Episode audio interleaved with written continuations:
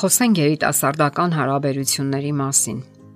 Դուք արդեն շփվում եք։ Երբեմն բարձրեք գնահատում ձեր հարաբերությունները, երբեմն հուսահատվում ու թևաթափ եք լինում։ Սակայն վերջին հաշվով ցանկանում եք իմանալ, թե ինչ վիճակում են ձեր հարաբերությունները եւ ինչ կարելի է սпасել ապագայում։ Ինչ հույզեր եք ապրում։ Արդյոք ձեզ սատարում է ձեր ընկերը։ Իսկ նման դեպքերում դուք պետք է գործեք համատեղ, վերլուծեք բոլոր իրավիճակները։ Եվ այսպես, Ինչպիսի դրական հիշարժան պահեր կան ձեր հարաբերություններում, ինչպիսի դժվարությունների եք բախվում եւ ինչպես եք լուծում դրանք, ինչպիսի բարելավումներ եք նախատեսում։ Կան հարցեր, որոնք դուք կարող եք ձեզ տալ եւ որոնց պատասխաններից շատ բան է կախված, ընդդուպ հարաբերությունները ճահճից հանելը։ Նման հարցեր են կազմել զույգերի հարաբերությունների 3 առաջնակարգ մասնագետներ՝ հոկեբան, վերլուծաբան Ռոբերտ Նոյբուրգերը, հոկեբույժ Պատրիկ Էստրադը եւ սեռաբան Սիլվեն Միմունը։ Դուք կարող եք պատասխանել այդ հարցերին միայնակ կամ երկուսով։ Կարիք չկա շտապելու։ Մտածեք պատասխանների վրա եւ հիշեք, որ հաջողության բանալին ձեր անկեղծության մեջ է, քանի որ դուք չեք կարող խაფել ինքներդ ձեզ։ Գրեք այդ պատասխանները, որpիսի հարկ եղած դեպքում վերընթերցեք, իսկ անհրաժեշտության դեպքում լրացումներ անեք։ Եվ այսպես զգացմունքներ։ Գնահատեք ձեր զգացմունքների ուժն ու խորությունը։ Երբ վիճաբանություններ են լինում, մենք զգում ենք, որ մեզ չեն հասկանում եւ մեր մեջ վիրավորանքներ են կուտակվում։ Նման դեպքերում արդեն դժվար է հասկանալ, թե ինչ ենք զգում դիմացինի հանդեպ՝ համակրանք, սեր, թե տհաճություն։ Բայց չէ որ զգացմունքները կազմում են մեր հարաբերությունների հիմքը, եւ եթե հույզերը թուլանում են, ապա սասանվում է նաեւ ողջ հարաբերությունը։ Նման դեպքում շատերն ասում են. Ես այլևս չեմ սիրում նրան եւ ցանկանում եմ ավարտել հարաբերությունները։ Ամեն ինչ ավարտված է։ Սակայն իրականում մարդը ցանկանում է ոչ թե ավարտել հարաբերությունները, բաժանվել մտերիմ անznավորությունից, այլ պարզապես ավարտել տհաճ իրավիճակը, ելք որոնել։ Այստեղ կարելի է տալ առաջին խորհուրդը. Պետք չէ հապշտապ հետևություն անել։ Ընթացեք քայլ առ քայլ եւ մի փորձեք կանխագուշակել, թե ինչ է լինելու հետագայում։ Պետք չէ նաեւ շտապել եւ անհամբերություն դրսևորել։ Կարող եք սկսել այսպիսի հարցերից։ Իսկ եթե դուք կարողանայիք լուծել բոլոր հիմնախնդիրները, ինչ եք կարծում, ձեր սերը Փյունիկի նման կհառներ մոխիրներից։ Ձեր մեջ կան զգացմունքներ։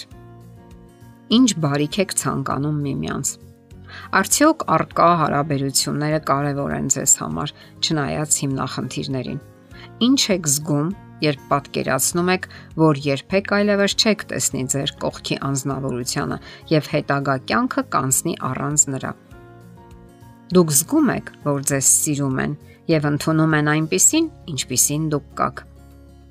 Ինչ եք ավելի շատ ստանում՝ հանդիմանություններ ու քննադատական դիտողություններ, թե քաջալերանքի ու սատարման խոսքեր։ Դուք հաճախ եք նրան ասում այն մասին, թե ինչն է նրա մեջ դուր գալիս եւ գրավում ձեզ, հուզում, իսկ նա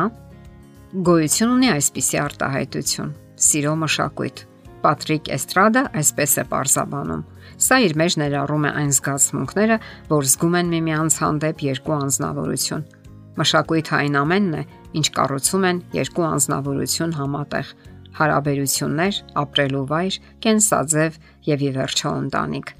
Ընտանիքն արդեն իր հերթին ներառում է կողմերի ծնողներին կամ հարազատներին, ինչպես նաև նրանց արժեքները, կատարելատիպերն ու ծրագրերը, փորձություններն ու հիշողությունները։ Իհարկե պատահում են իրավիճակներ, երբ երկու անznավորություն կորցնում են միմյանց հանդեպ կապվածության զգացումը,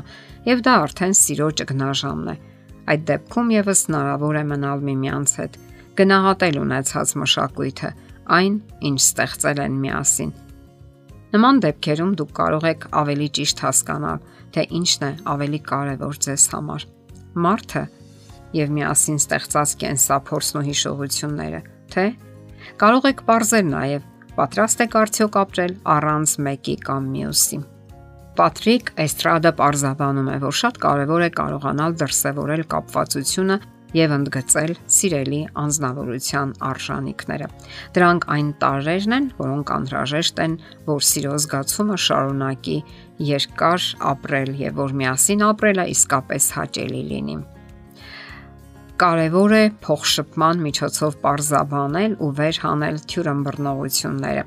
Հարաբերությունների բնույթը սովորաբար հստակ ցույց է տալիս, թե ինչ աստիճանի է մերձության մակարդակը կողմերի միջև, իսկ այն երբեմն բարդ ու խճճված է։ Ինչպես հոկեբան Ռոբերտ Նոյբուրգերն է գրում, զույգի կյանքը երբեմն հագեցած է կամ սպառված թյուրիմացություններով, բարդություններով ու տարաձայնություններով։ Իսկ երբ զույգը նպատակասլաց գնում է փոխշփման եւ անկեղծ ճշտումների, շատ բան կարգավորվում է եւ པարզ է դառնում, նաև հարթվում է արդյունքում։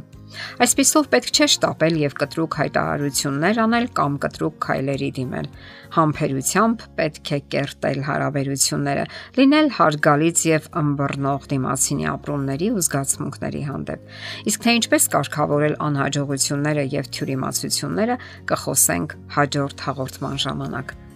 Եթերում ճանապարհ երկուսով հաղորդաշարներ։ Հարցերի եւ առաջարկությունների համար զանգահարել 033 87 87 87 հեռախոսահամարով։